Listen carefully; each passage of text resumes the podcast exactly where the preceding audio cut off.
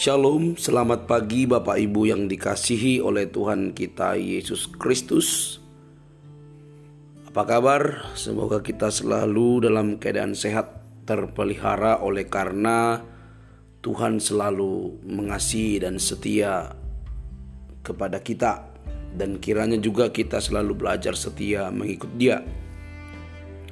Bapak Ibu yang dikasih oleh Tuhan di pagi hari ini kita akan merenungkan satu bagian firman Tuhan dari Yesaya 41 ayat 10 firman Tuhan berkata Janganlah takut sebab aku menyertai engkau Janganlah bimbang sebab aku ini Allahmu. Aku akan meneguhkan bahkan akan menolong engkau. Aku akan memegang engkau dengan tangan kananku yang membawa kemenangan. Bapak Ibu boleh mengulangi membaca Yesaya 41 ayat 10 tersebut di rumah supaya lebih memahami. Pagi hari ini saya mengajak kita untuk memikirkan soal mengapa kita harus takut. Bapak Ibu yang dikasih oleh Tuhan, ketakutan adalah persoalan bagi banyak orang. Kita semua pernah mengalami hal itu. Hal ini sangat masuk akal. Manusia tidak tahu apa yang akan terjadi di depan atau kemudian. Sekalipun tahu, manusia juga belum tentu mampu mengontrol apa yang dia ketahui.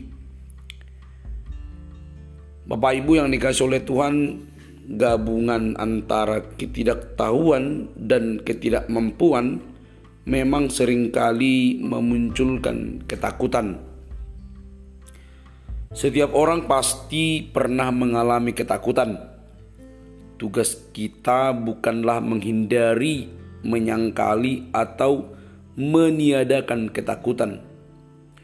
Ketakutan bukan untuk ditiadakan, karena ketakutan kadangkala diperlukan dalam beberapa keadaan.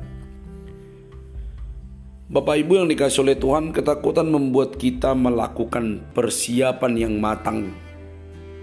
Ketakutan mendorong kita untuk bersandar kepada Tuhan. Ketakutan dapat menjauhkan kita dari kesombongan dan bertindak sembarangan. Walaupun demikian, ada perbedaan yang besar antara mengalami ketakutan dan dikuasai oleh ketakutan. Yang pertama yang bisa kita pikirkan soal natural atau yang aslinya. Setiap orang pasti pernah dihinggapi atau merasakan rasa takut. Yang kedua, ada pilihan. Kita tidak boleh tenggelam dalam ketakutan jadi ada perbedaan yang harus kita lihat atau pahami soal ketakutan itu sendiri. Bangsa Yehuda sedang berada di dalam pembuangan di negara Babel. Sementara itu dunia internasional sedang bergejolak.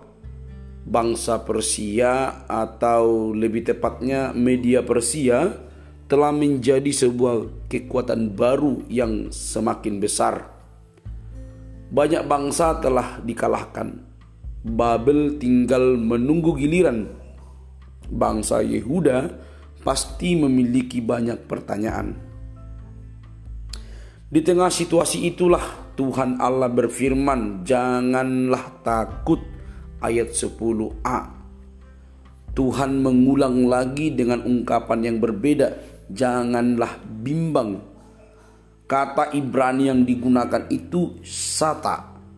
Memang merujuk pada kecemasan yang luar biasa akibat sesuatu yang tidak biasa, bukan sekadar kebimbangan, tapi ada yang mempengaruhi. Di situ timbul atau kata kerja yang sama muncul di ayat 23 dengan arti tercengang dalam taraf tertentu, ketakutan dan kecemasan yang dialami oleh bangsa Yehuda memang bisa dipahami. Walaupun sudah beberapa dekade berada di Babel, mereka tetap kaum pendatang itulah yang terjadi kepada orang-orang atau bangsa Yehuda. Walaupun pemerintah Babel memperlakukan mereka dengan cukup baik, mereka tidak merasa Babel sebagai rumah mereka.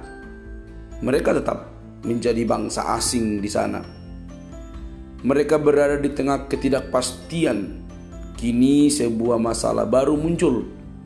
Akankah keadaan mereka menjadi lebih baik atau sebaliknya? Di tengah situasi seperti itulah Tuhan yang mereka percayai menasihati mereka untuk tidak takut ataupun cemas. Bapak Ibu yang dikasih oleh Tuhan, bagaimana mereka bisa mengalahkan ketakutan dan kecemasan mereka? Apakah mereka harus mengubah keadaan atau membelokkan ancaman? Ya tidak juga. Kita hanya bisa mengalahkan ketakutan dan kecemasan dengan memahami siapa kita di hadapan Allah dan apa yang Allah akan berbuat bagi kita. Mari kita perhatikan baik-baik. Kita hanya dapat mengalahkan ketakutan dan kecemasan ketika kita dapat memahami siapa kita di hadapan Allah. Kalau kita sadarin bahwa kita ini anak Tuhan, percaya kepada Tuhan, ketika ada ketakutan, kecemasan, maka kita pun dapat bersandar dan memahami bahwa Tuhan itu pasti melakukan sesuatu di dalam kehidupan kita. Percayalah, jangan takut, jangan bimbang, karena Tuhan beserta dengan kita. Tuhan beserta dengan orang percaya. Tuhan memberkati kita. Shalom.